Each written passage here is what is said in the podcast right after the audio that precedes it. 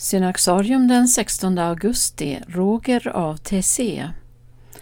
I ett av hat och våld lemlästat Europa sökte sig Roger Schutz till den lilla byn Tessé i Bourgogne i efterdyningarna av andra världskriget.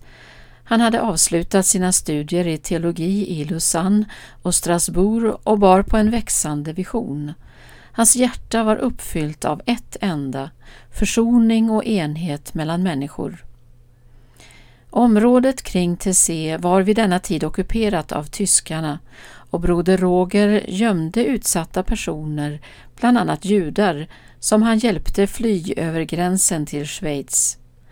År 1942 tvingades han själv fly efter att ha blivit angiven, men återvände två år senare tillsammans med tre bröder som delade hans kallelse. Långsamt drogs unga män till byn. En livsgemenskap som inte flaggade för någon speciell kyrka växte fram. Den tillhörde alla som ville komma dit. Kommuniteten grundades påsken 1949 när de sju första bröderna gav sina löften. Med övertygelsen att gemenskapen skulle vara ett tecken på de kristnas synliga enhet tog broder Roger under de första åren emot bröder från olika protestantiska samfund. Från 1969 blev det även möjligt för katoliker att inträda i klostret.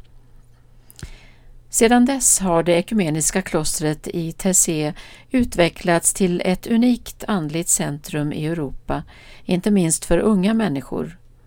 Under broder Rogers vägledning har bröderna inkarnerat sin enhetsvision genom att leva den. Deras lågmälda liv är en skarp protest mot splittringens skandal i Kristi kyrka. I nära samverkan med påven Johannes Paulus den 23 och patriarken Athenagoras från Konstantinopel medverkade broder Roger som observatör vid Andra Vatikankonciliet. Hans starka engagemang för enhet ledde honom att ta initiativ som övervann svåra hinder och påskyndade en andlig vår i kyrkan. Vid Johannes Paulus den andres begravning tog broder Roger emot nattvarden av den dåvarande kardinalen Josef Ratzinger, en handling som av många uppfattades som ett hoppfullt tecken på ett genombrott för enheten. För broder Roger var kyrkans kallelse i världen framför allt att vara ett försoningens och enkelhetens land. När broder Roger knivskars under kvällsbönen den 16 augusti 2005, en vecka efter att han hade firat sin 90 födelsedag, blev även hans död i all sin våldsamhet en profetia. Är det inte just så vi gång på gång har gjort med den kristna enheten, stuckit kniven i den därför att den hotat våra religiösa Babelsbyggen? Men den som lever i Kristi efterföljelse ska leva om han än dör, säger Jesus.